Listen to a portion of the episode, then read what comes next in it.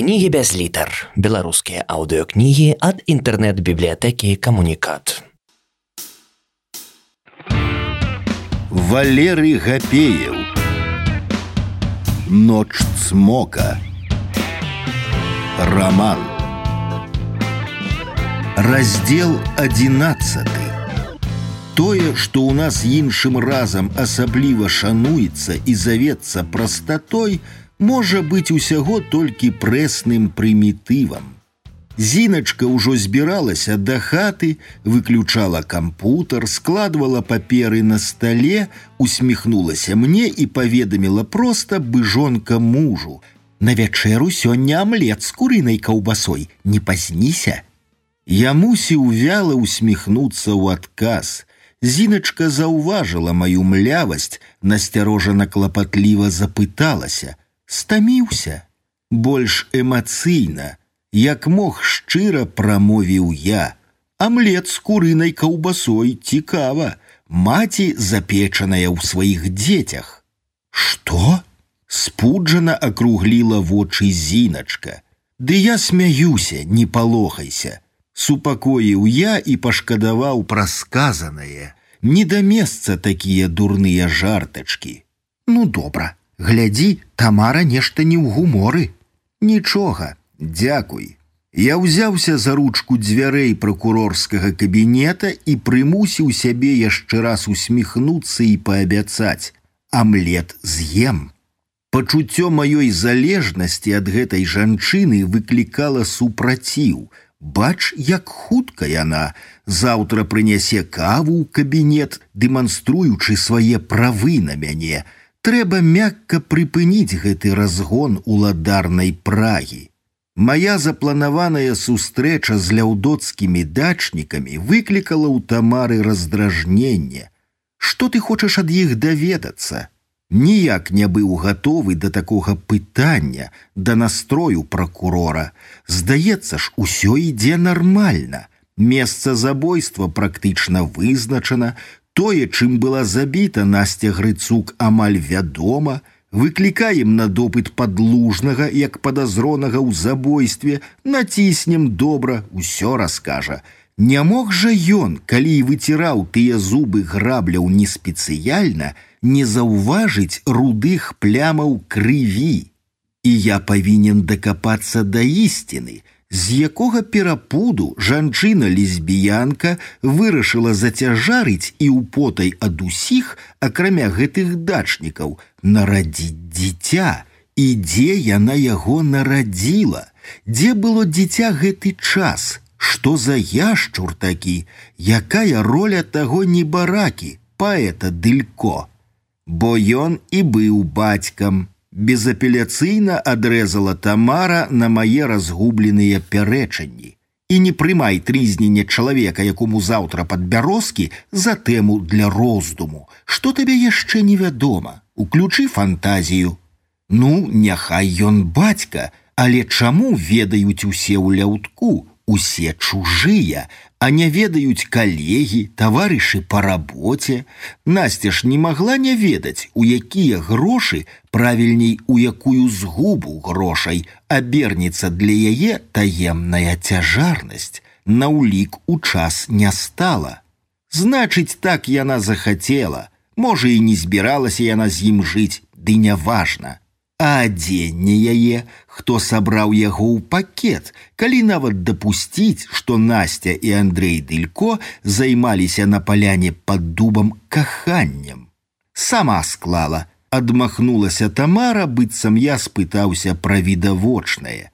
Чаго ты на мяне дзівішся? Я ў маладосці любіла мужа сустрэць пасля работы голай, і Насця магла сустрэць так свайго Андрэя, Ноч ніхто не бачыць такое месца, тым больш пра яе кажуць як пра ведзьму. Можа і адна яна была, качалася па расе, падкацілася пад тыя граблі, няшчасны выпадак. А сляды мы ж не пабачылі, бо шукалі проста сляды, а не тыя, якія зацерлі. Хто зацёр, ды мы так глядзелі. Я пытаўся як школьнік у настаўніка пра новую цалкам тэму і не разумеў, не мог ісці логікай пракурора. Той, хто нёс насцю, а глядзелі дрэнна. Стомлена ўздыхнула Тамара і дастала цыгарету. Я замаўчаў, пераварваючы пачутае, пастараўся шчыра стаць на пазіцыю пракурора. Калі сапраўды так, тады, тады Насцю мог несці ці Андрэй Дылько, ці міхась падлужны. Скажам, грымнулі граблі, забрахаў сабака. Падлужны выйшаў, пабачыў, а неслі да зметра, бо ці яна сама яшчэ жывая попрасіла, ці падумалі ён як вядзьмак адной дапаможа, але памерла дарогай, не данеслі, то і кінулі на полі, Не іначай. Тамара энергічна пастукала цыгаретай аб край попельніцы выклікай падлужнага павесткай, але не запалохвай. Сам ён не мог забіць яе тымі граблямі, не будзеш яна голай ляжаць і чакаць, пакуль той нейкі рычаг адпусціць. Ды і прычыны няма. Тамара яшчэ раз паглядзела на раздрукаваныя здымкі. Агульны выгляд паляны, конныя граблі, зубы. Так, эксперт толькі пацвердзіць, што гэтыя зубы і маглі пакінуць такія сляды. Сам бачыш, якая тут трава густая. Некалі моя бабуля казала, як па першай расе надта добра качацца, для здароўя карысна, каб скура была свежай, нядрузлай і нейкія хваробы так лячылі, А на купалле, каб ты знаў, яшчэ ў час маёй маладосці жанкі ў гадах качаліся, цішком ад моладзі і мужикоў сама бачыла. Праўда, ўсяго з сябе не скідалі, ільняныя доўгія кашулі апраналі, як у каго не было, дык па чарзе. Дык мне не ехаць заўтра на сустрэчу з гэтымі аматарамі абрадаў. З'ездзі сабе, чаго ж не дазволіла раўнадушна Тамара, але машыны не дам, адпусціла, бо прасіўся Віктор, яму справы рабіць трэба свае, дабярэся неяк. Надта толькі не накручвай сябе. Бабы найчасцей робяць так, што мужчына ніколі са сваёй логікай не патлумачыць. Зрабіла і забыла, бо так у той момант хацела. І шкадаваць не будзе ніколі і тлумачыць не будзе, бо тлумачэння не бывае імпульс кароткі, настрой, ляйчына под хвост. Так вось. Зразумела. Я развітаўся і накіраваўся да дзвярэй. Зіначка ўжо сышла, я зноў з прыкрасцю падумаў пра тое, што давядзецца ісці да яе. Так ад ранішняй сексуальнай заклапочанасці не засталося і следу. Магчымыя любошчы ніяк не ўпісваліся ў мой настрой, гэта па-першае, па-другое, я вяртаўся нетаропкай хадой і думаў пра тое, што мяне зараз не чакае прыгатаваная вячэра, да якой я прывык за апошні тыдзень, і надзея не чакае, чакае зіначка, але чакае як сучка з лучку. Ёй трэба, яна возьме ад мяне тое патрэбнае і на гэтым усё. Ці яна думае мяне так прывабіць, каб застаўся з ёй жыць. Ну не такая яна ўжо бязглуздая, каб спадзявацца, што я згаджуся стаць бацькам дваіх чужых дзяцей. Ды чорт іх ведае, як там Тамара казала, няма логікі, Ды зіначка лухта і надзея. Не, не лухта, але ж і на ёй жанчыны ў гэтым райцэнтры не закончыліся. Сама вінаватая, трэба было пачакаць, ці хоць пакінуць слоўца якое, магла элементарную смску адправіць, Хоць выбачыцца, бо ж не дачакалася, падманула, бач, тэст я не прайшоў, хіба я жывёла паддоследная накручваў, стараўся раззлавацца, а падсвядома марыў. Вось зараз надзея будзе чакаць мяне ля сваіх веснічак. Мы усміхнёмся адно аднаму, павітаемся, Яна спытаецца ў пікне нязлосна, але з такім прыемным клопатам зноў не абедаў І я прамаўчу пра тое, што перакусілі з тумарам яго тармаском. І быццам не было ўчарашняй ночы яе нечаканага пытання маёй ашалеласці.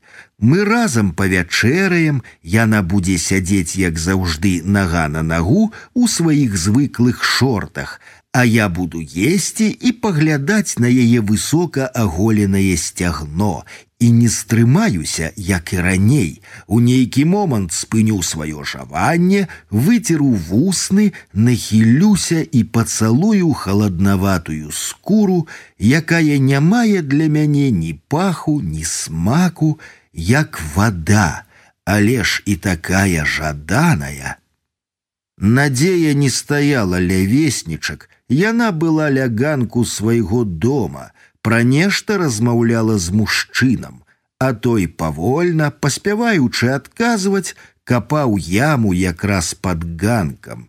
Дзве палавінкі варот былі расчынены насцеж. Раптам выявілася, што і трымаліся яны добра толькі зачыненымі, калі былі разам, а цяпер кожная паасобку стаялі нахіленыя, ледзь не падалі, трымаючыся за слупы ржавымі скрыўленымі завесамі. У двары стаяў вялікі чорны аўтамабіль, як кажуць тут круты. Я і так ішоў няспешна, а тут прыпыніўся, пацягнуўся ў кішэню па цыгареты, хоць хвіліну таму выкінуў недакурак. Мяне апякло, твар запалаў, я не зразумеў пакуль, што адбылося, што я такое пабачыў. Быццам знянацку вось цяпер на вуліцы мне далі аплявуху.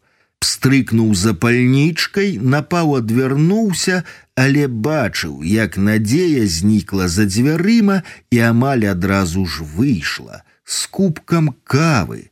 Мужчына спыніў сваю працу, узяў кубак, і яны прыселі разам на ганку, блізка блізка адно ля аднаго, кранаючыся плячыма.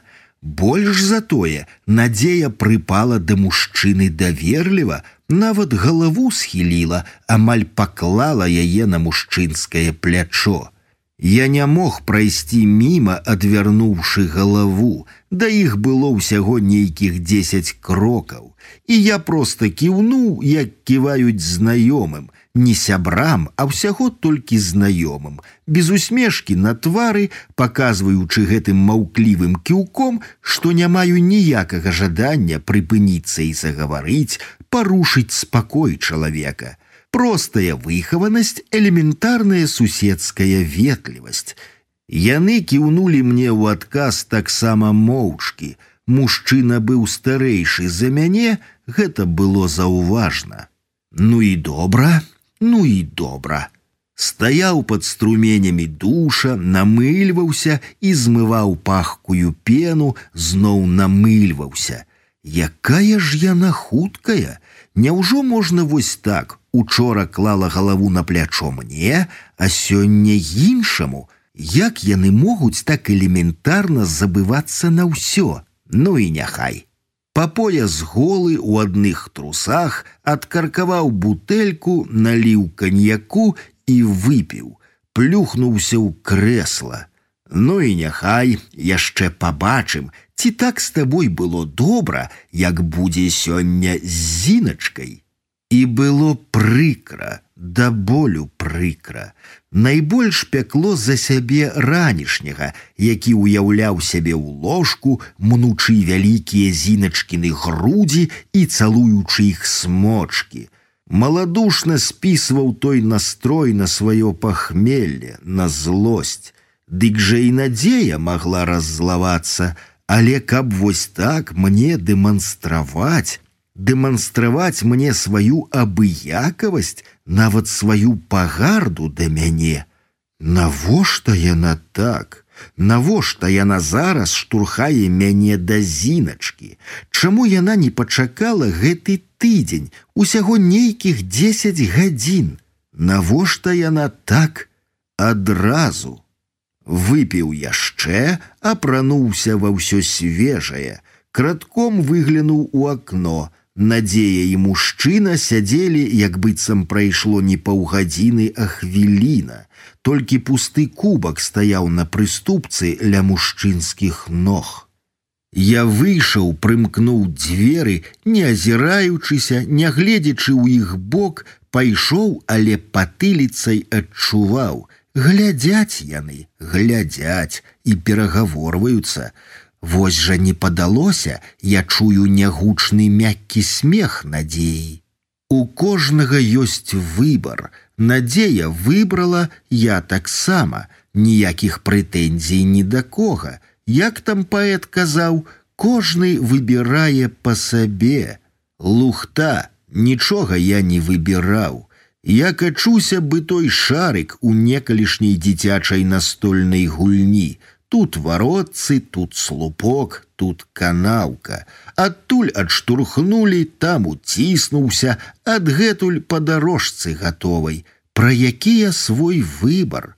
Вось надзея выбрала, мо думала пакутліва тыя гадзіны і вырашыла, хоць за зайца абы яйцы. А я ці выбіраў.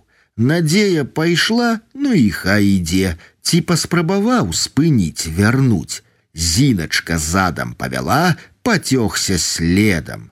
Я ж і цяпер выйду не таму, што выбраў, а таму, што так склалася моя дарога.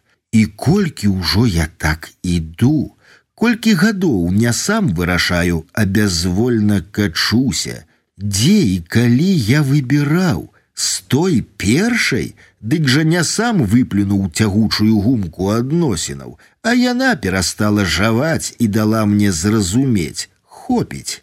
А надзея дамагаўся я яе, калі б не яе ініцыятыва, не яе жаданне, як бы было, карыстаюся, я карыстаюся тым, што мне падае ў руки.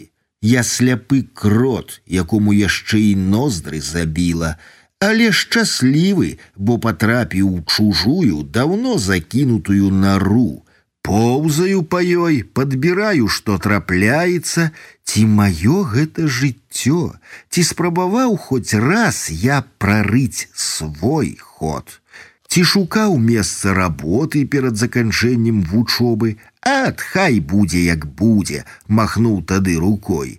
А яшчэ раней на першым курсе, калі на дыскатэцы пазнаёміўся з дзяўчынай і так хораша было з ёй і ўжо збіраўся ехаць з ёй на другі канец горада правесці, ды спужаўся тых двух хлапцоў, якія падышлі ў прыбіральні. Папярэдзілі, маўляў, занятая прыгажуня не лезь. І сёння агідна за той страх, за трымценне пад каленямі і лісліва зухаватае, занятая дык занятая, хапае добра такога. І пайшоў, подленька радуючыся, што ўнікнуў бойкі, ненавідзячы сябе за маладушнасць, няздольнасць адстаяць сваё. Тады хутка толькі адышоўся, знайшоў апраўданне, Ды ну яе да д'ябла ездзіць праз увесь горад да яе, дзе той час браць, але грызла не адпускала і стаяў перад вачыма яе мілы вобраз і вочы тых двух нахабнікаў. Ды якіх нахабнікаў адзін з іх дамагаўся свайго, гроб зямлю сваёй нары, як умеў і як мог, А я спужаўся, так лёгка і спакойна жылося, усё неабходнае само падала в руки і знаходзіў добрае і смачнае ў гэтых паданцах. Дык чаго было лезці на стромкае дрэва, абдзіраць да крыві скуру на руках і твары, ды яшчэ рызыкаваць без вачэй застацца, Я думаў пра тое дарогай, думаў у магазине, пакуль выбіраў віно, якое браць сухое ці напаўсалодкае, цукеркі. Вось і зіначкін дом, адзіная лаўка перад пад'ездам зламаная, ніхто не сядзіць, то і добра. Прыпыніўся, прыпаліў цыгарету, выдыхнуў дым. Згадалася, сусед па пакоі меў жорсткае правіла. За дзве гадзіны да планавай сустрэчы са сваёй дзяўчынай ці хоць з нейкай жанчынай кідаў курыць і запіхваў у рот гумку. Лухта ўсё, усе коцяцца і ўсё коціцца. Гэта называецца лёсам. Як выпадае, так выпадае. Выбар, не выбар, філасофія для аматараў унутранага капання, А мне капацца ў сабе няма калі. Мне трэба перакопваць чужыя лёсы і жыцці, следчыя, а не гуманітарый са схільнасцямі да суіцыдальнага вершаскладання. Адкрыта выгукнула зіначка з-за дзвярэй і тут жа расчыніла іх перада мною. Я любіла іншы раз мужа сустрэць голай, Здаецца так гадзіну таму казала Тамара. Гэтыя словы ўсплылі ў свядомасці міжволі. Канечне, я чакаў, што зіначка апранецца ў нешта такое, каб максімальна падкрэсліць свае вабноты. Можа, нейкі празрысты халацік без станіка, ну не вісяць жа яе грудзі з куранымі мяшкамі, Хай сабе і вялікія ці нейкую асаблівую сукенку з глыбокімі разрэзамі, каб можна было сесці і высока быццам незнарок загаліць сцягно, дэкальтаваную, тады лагчынка між грудзей, сціснутых адмысловым станікам, падасца самым спакуслівым месцам для вуснаў. Але зіначка была ў кароткіх цесных шортах белага колеру і жоўтай майцы, як звычайна апранаецца надзея. Мяне быццам нямоцна нешта штурхнула ў грудзі. Працягнуў пакет, сказаў найграна абыякова: « Выбачай, браў наўгад, не спадабаецца, выльеш мне на галаву, можа, не аблысею. Ой, навошта ты траціўся, цукеркі ж дарагія, а я не пераборлівая на віно. Нечакана для мяне без аніякага падтэксту заклапочана без усмешкі адказала зіначка. Праходзь, давай фронт работы показывай. Прапанаваў я непрыемна крануты сустрэчай на парозе, у якой не было ніколькі выразнага праяўлення радасці, не было нават намёку на гарачую ноч у ложку. Зіначка была апранута па-хатняму, зусім па-хатняму. Нават шорты і майка не былі свежымі. Яна іх колькі дзён насіла, гэта ж відаць. І я ўставіў пра фронт работ наўмысна, даючы ёй магчымасць адказаць гуллівай двухсэнсоўнасцю, якая б магла стаць прыемным і ўзбуджальным пачаткам. Які там фронт? Зіначка вярнулася з кухні, куды аднесла віно і цукеркі. Скідая бутак, зараз пакажу. І павяла мяне ў залу. Тут не было накрытага на дваіх століка з чыстымі талеркамі, салатай і чысцюткімі зяючымі фужэрамі. Канапа не была нават добра застеленай. Пярэстая пакрыўка ляжала прымятая. Во, глядзі, Зіначка ўзяла з канапы пульт, павяла ў бок тэлевізара. Бачыш, экран засвяціўся, але тэкст на блакітным фоне паведамляў аб адсутнасці сігналу. Зразумела, са штучнай бадзёрасцю адказаў я: зараз пашукаем. Ну, глядзі, я пайду гатаваць амлет, які абяцала, бо больш няма чаго. Я застаўся адзін у пакоі, літаральна аглушаны сваёй думкай. А зіначка ж мяне запрасіла менавіта і толькі для таго, каб я выправіў гэты пракляты тэлевізар і больш нічога. То майму затуманенаму пахмеллем мозгу уявілася, што мяне запрашалі на секс. Тьфу, ідыёт! Яна ж замужняя жанчына, хай сабе і на мяжы разводу, як сама кажа, хай без мужчынскай ласкі даўно, хай цела яе прагне любошчаў, ды не падстава гэта для маёй упэўненасці, быццам мяне тут чакае неўтаймаваная, выпушчаная на волю жарсць без усялякіх межаў. самаўпэўнены дурань. Праверыў злучэнні прыстаўкі і кабелю, прайшоўся па ўсёй яго даўжыні. Кабель ляжаў у жолабе пластыкавага плінтуса, не мог яго ніхто перагрысці. Дайшоў да вітальні, пабачыў калодку злучэння. Так і ёсць. Тут стаяла невялікая тумба для абутку. Ці то шмарганулі незнарок, ці то ад часу загнуты назад кабель вылез з гнязда дастаў пакратаў зусім слаба накручанае мацаванне. Заціснуў, усунуў на месца, закруціў бліскучую гайку стопар, праверыў, на экране з'явілася карцінка. Зіначка выйшла на гук перадачы, задаволена цмокнула языком. Вой, не памылілася, руки ў цябе растуць адкуль трэба, ідзі іх мы і садзіся за стол.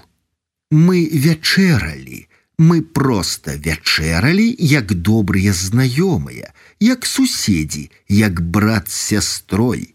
Ніякага намёку нават не пабачыў, не пачуў ад зіначкі, што ў гэтай вячэры будзе нейкі іншы працяг, чым той, які зазвычай бывае ў такіх сітуацыях. Я зараз падзякую і пайду, просто пайду, падмануты і зняважаны гэтым падманам.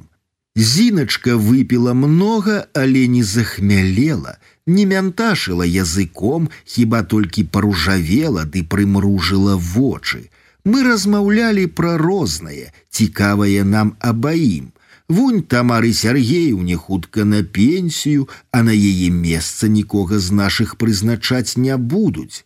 Мяне паставілі на чаргу, у райцэнтры заклалі два новыя дамы, то ў трэці я патраплю абавязкова. У новы мікрараён казалі, там кватэры прасторныя.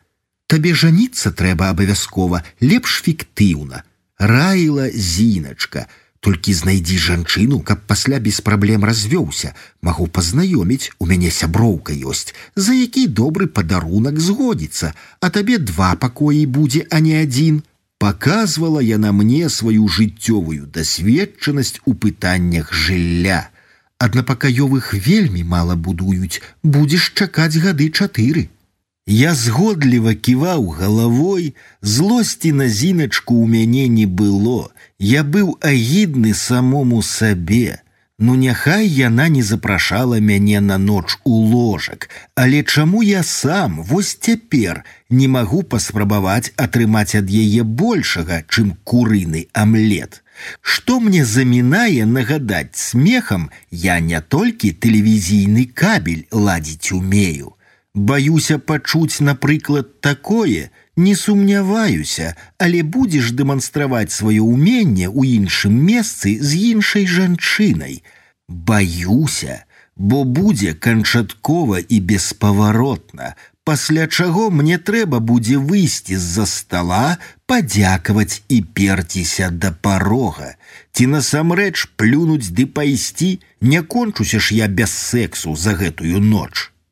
Гэта ж расплата, раптоўная думка і апаліла і супакоіла. Ну так, расплата за здраду. Я ж ішоў здраджваць, мэта накіравана ішоў.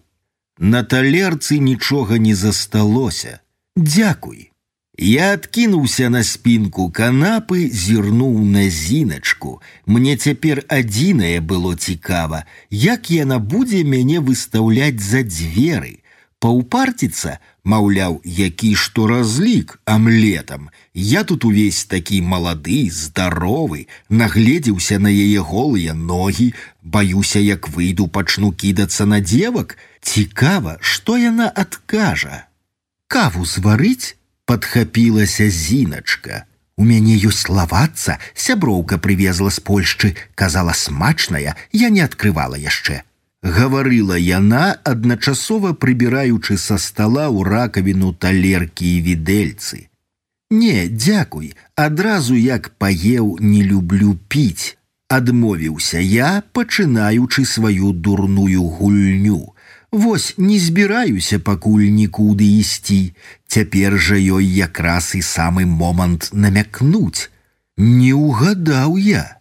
Ну, як сабе хочаш, не засмуцілася зіначка. Тады хадзем, дапаможаш. Я больш заінтрыгаваны, чым разгублены новай просьбай падняўся, нават не стаў пытацца, чым дапамагаць. Зіначка прайшла ў залу, стала каля канапы. Гэтую бандуру трэба ўдваіх раскладаць, бярыся. І ўзялася за спінку і сядзенне. Я аўтаматычна хапіўся гэтак жа, як і зіначка, пацягнулі разам выпрасталі. Яна прысела на край разложанай канапы, гледзячы на мяне знізу ўверх з вінаватай усмешкай прагаварыла: « Я ж не разведзеная, то ў спальню выбачай, не магу цябе весці. Зараз я нам пасцялю, тут яшчэ вальней будзе, вунь колькі месца, хоць куляйся. Ты ідзі пакуль мыйся, ручнік бяры любы, Я посуд спаласну, бялізну нам дастану. Вось так, ніякіх гульняў і двухсэнсоўнасцей. Дарослыя людзі, калі запрасіла вечарам прыйсці, значыць, мела на ўвазе ноч. Падумаць пра тое, ці ёсць у вось такіх прастадушных, простых, як вясковая лапата пры печы паводзінах зіначкі нешта зневажальнае ці прыкрае для мяне, я не паспеў. У кішэні варухнуўся і прайграў кароткую мелодыю телефон. Я не мог не заўважыць, як напружылася, падабралася пры гэтых гуках зіначка, які пакутлівы выраз хвалявання засвяціўся ў яе вачах. Я таропка дастаў телефон, зірнуў на тэкст смскі і вінавата развёў руками. Выбачай, зіначка, неяк іншым разам. Сергеевна, нешта здарылася. С сапраўдным адчаем запыталася зіначка. Выклікаюць, адказаў я, ступіўшы ў вітальню, абуў туфлі, азірнуўся і як мог цёпла дадаў: Дякуй за вячэру. Ат! Зіначка рэзка села на канапу, Вош адчувала, ну чаму я такая неўдачлівая, такая ж ноч могла быць, ты як вызваліся, прыходзь, свані і прыходзь, Я буду чакаць да раніцы. Не абяцаю. Шчыра з жалем да жанчыны адказаў я. На вуліцы я дастаў телефон, яшчэ раз перачытаў тэкст смскі, застанешся на ноч у зіначкі з-за душу так і ведай. Гэта пісала надзея. Я набраў адказ, не застаўся. Закурыў і адчуў неверагоднае ўзрушэнне, блізкае да шчасця. Было так лёгка на душы, быццам я вырашыў найскладанейшае пытанне. Першы раз за сваё жыццё я зрабіў выбар і так імгненна, нібыта чакаў штуршка. Надзея патэлефанавала адразу. Можаш гаварыць: Так, я на вуліцы іду дадому, ці можа завярну папіць кавы. Пацерпіш, пакуль прыйдзеш, пап'ём разам. Выбачай, ты так хутка пайшоў, Да мяне прыехаў мой стрыечны брат, і ён хоча попрасіць цябе, каб ты заўтра дапамог яму зварыць мне новыя вароты, а то гэтыя сёння ледзь утрымаліся, пакуль іх расчынілі, спарахнелі зусім. Ён варыць умее, кажа, будзе хутка, там толькі патрымаць трэба, а ў мяне заўтра сам ведаеш базарны дзень. Пагаворым, радасна адказаў я, заходзь адразу. Яны чакалі мяне ўдваіх, усё так жа седзячы на ганку, быццам і не сыходзілі. То пайшлі да мяне каву піць, тым больш утульна ў садку. Як старым знаёмым прапанаваў я. Васіль працягнуў руку мужчыну. Сяргей адказаў той, прыўзняўся і паціснуў руку а мне нешта так добра на гэтым ганку сядзеў бы і сядзеў. Вінавата прызнаўся мужчына, але калі спадарства жадае, мушу падпарадкавацца. Ды не, навошта, паспяшаўся я, дзе вам больш зручна. Дык я нясу. Вырашыла надзея, адным кароткім позіркам стрэліла ў мой бок, і я пабачыў там тое, чаго менш за ўсё чакаў, дзявочую, не, нават дзіцячую гарэзлівасць. Ага, будзеш ведаць. Сказала надзея, што я брат яе, спытаў Сергей, пабачыў мой маўклівы ківок, працягнуў. Вот так лёс склаўся, адным з ёй радня на свеце. Яе паўміралі, мае яшчэ жывуць, ды слабыя зусім. Прыехаў на тры дні, праведаць, ну і дапамагчы дзе, вось вароты зварыць трэба. Метал сёння набылі, апарат зварачны ў мяне з сабой. Работа не цяжкая, адно патрымаць вам. Самі пабачыце, як хутка. Профіль я і адзін на шыю, калі ў вас справы. Ды я да вечара вольны, як быццам. Згадзіўся дапамагаць я і тут жа попрасіў. А вы мяне вечарам не закінеце ў одно месца, недалёка кіламетраў двадцать. Добра, дамовіліся, гэта хутчэй будзе, чым вароты зварыць. А вы зваршчык? спытаўся я, каб працягнуць размову. Ды ну, журналіст я, былы праўда, усміхнуўся без смутку Сергей. Апозіцыянер пракляты. Газету закрылі, а тут і жонку скарацілі на фабрыцы. Вось і падаўся ў заробкі. Два гады чарнарабочым быў, пасля навучыўся варыць. Усё лягчэй, чым цягаць на дзясяты паверх бетон вёдрамі. З таго часу і зарабляю вось так. Надзея прынесла каву яшчэ на падносе пірог. Ешьте, мужики, як справы, таварыш следчы, злавіў злачынцу. Ага, дваіх ужо, адказаў я ў тон. Першы быў цмок, а цяпер во і другі знайшоўся. Яшчур. Ого, шчыра здзівілася надзея. Хутка ты, Васіль, усіх нашых міфалагічных істот пасадзіш у турму. Дык і яшчур стварэнне інфернальнае д'ябальскае табе праўда нешта падобнае гаварылі сур'ёзна запытала надзея праўда ну і справы сёння ў следчага пракуратуры паблажліва як мне падалося усміхнуўся Сергей. Вам смешачкі а ў мяне галава дурэе ад гэтай чартаўшчыны выбачайце але ж так нечакана павініўся Сергей якім чынам у крымінальнай справе могуць быць задзейнічаны цмок ды яшчур. Дзіўна вельмі, хто сёння такія мянушкі бярэ. Не ведаю я, мянушкі гэта ці нешта іншае. А вы і пра цмока штосьці ведаеце і пра яшчура? Ды мяне во надзея сваімі казкамі заразіла. Ласкава упікнуў Сергей сястру. Я ёй у рэдакцыі кратком цэлую кнігу набіраў. Вой, там ужо і кніга была. Ага, ледзь не папаўся сваёй гестапаўцы рэдактаршы. То ж я табе заплаціла. Ага, пляшкай самагонкі, а больш і не каштавала. Чакайце, чакайце, калі ласка, я умольна ўзняў далоні. Што за яшчур? Пра цмока я ведаю з яйка ад чорнага пеўня, а яшчур. Надзея пільна зірнула мне ў вочы, можа, каб упэўніцца яшчэ раз ці не жартую я і з уздыхам пачала тлумачыць.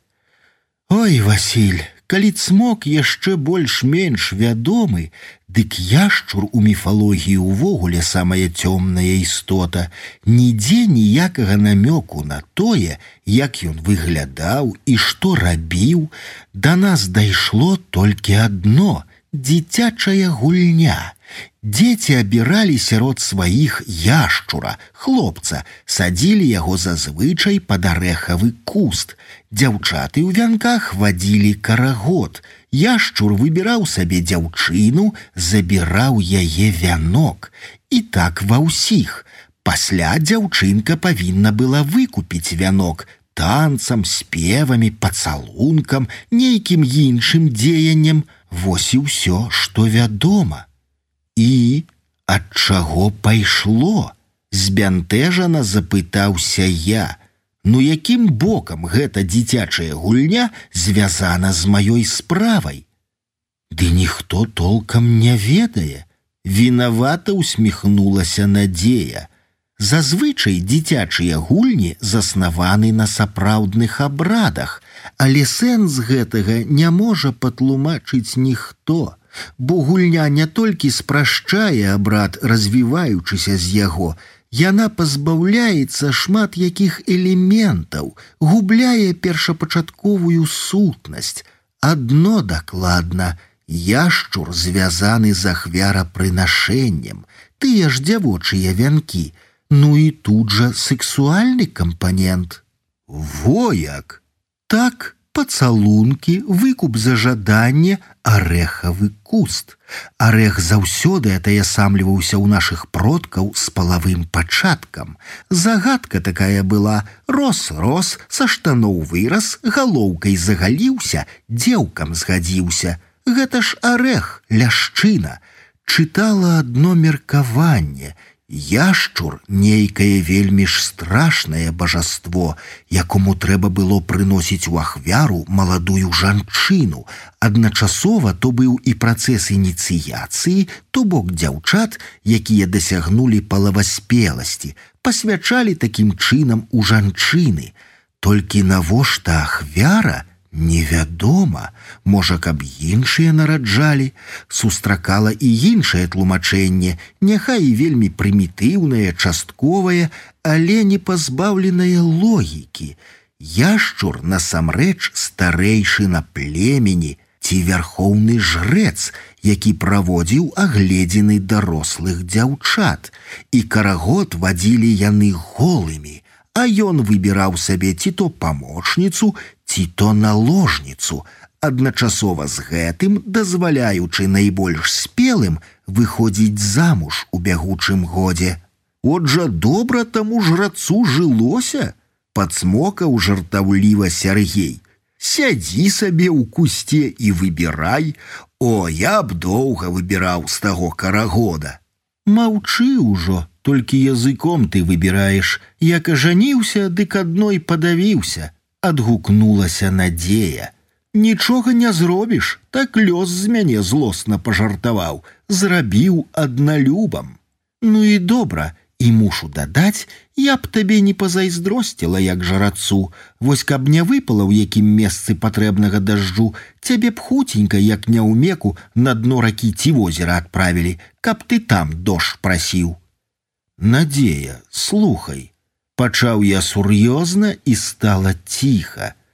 Хай сабе і так яшчур выбіраў сабе маладую дыгожую, а ці нараджала яна, і вось кім станавілася дзіця яшчура. Ой, не ведаю, уздыхнула са шкадаваннем надзея. Я сёння праспытваю, у мяне засталіся сувязі ў інтэрнэце. Тады спытай наўпрост, ці мог цмок быць дзіцём яшчура. Як? Надзея акругліла вочы. Вось дык паварот міфа. Ды вось так. Павісла маўчанне, потым прайдуся пешкі, як кароль. Сергей лёгка ўзняўся, і твар яго быццам успыхнуў чырванню. Ого, солнца! Выгукнуў ён і азірнуўся на нас нечакана радасны, як хлапчук. Сонца бачу. І я і надзея ўзняліся таксама, зірнулі ў той бок, адкуль на твар Сергея лілося чырвонае святло. На захадзе неба было нечакана чыстым і светлым, быццам нехта ўладна пацягнуў завесу хмар наверх, прыўзняў яе і даў сонцу паказаць сваё чырвонае кола людзям. Дасць Бог пагоду, задумліва прамовіла надзея, будзе вам добра працавацца. Можа, урэшце і лета стане падобным да лета, дадаў я. Сяргей паволі пайшоў у агарод, я застыў у чаканні. Надзея павінна была патлумачыць хоць нешта, і яна не стала чакаць. Здзівіўся. Я ўдыхнуў паветра і тут зайграў телефон. Ад неспадзеўкі я ўздрыгнуў, так недарэчна было пачуць вось цяпер у гэты момант выклік. Зіначка, вось жа смала, не буду браць. А надзея глядзела на мяне. Я адчуваў, яна думае пра тое ж, што і я. Асуджана выцягнуў з кішэні телефон і быццам камень з душы спаў тэлефанавала не зіначка, а Антон Джигайла, эксперт. Васіль, вечар добры, я тут закончыў і не змог утрымацца, каб табе не паведаміць. Што закончыў, што паведаміць? Насцярожыўся я. Ну, па смерці таго немаўляці гідрацэфала. Яго забілі? Калі цалкам, дык нічога асаблівага, смерць натуральная. Ён пражыў колькі дзён, памёр ад ацёку лёгкіх, задыхнуўся. Але вось які момант. Ну не цягніш ты, не дзяўчынка. Дык вось, у яго чацвёртая група крыві. І у насці, Чакай, а у насці. У насці першая група, я пераправерыў так, дакладна першая. Ніякай памылкі? Я нервова адной рукой спрабаваў выцягнуць цыгарету з пачка. Надзея заўважыла мае намаганні, узяла пачак і дастала мне сама. Ніякай памылкі, сцвярджальным рэхам адказаў Антон. У немаўляці чацвёртая група крыві, у верагоднай маці, забітай насці грыцук, першая група, і гэта значыць знойдзенае мёртвае дзіця гідрацэфал не яе.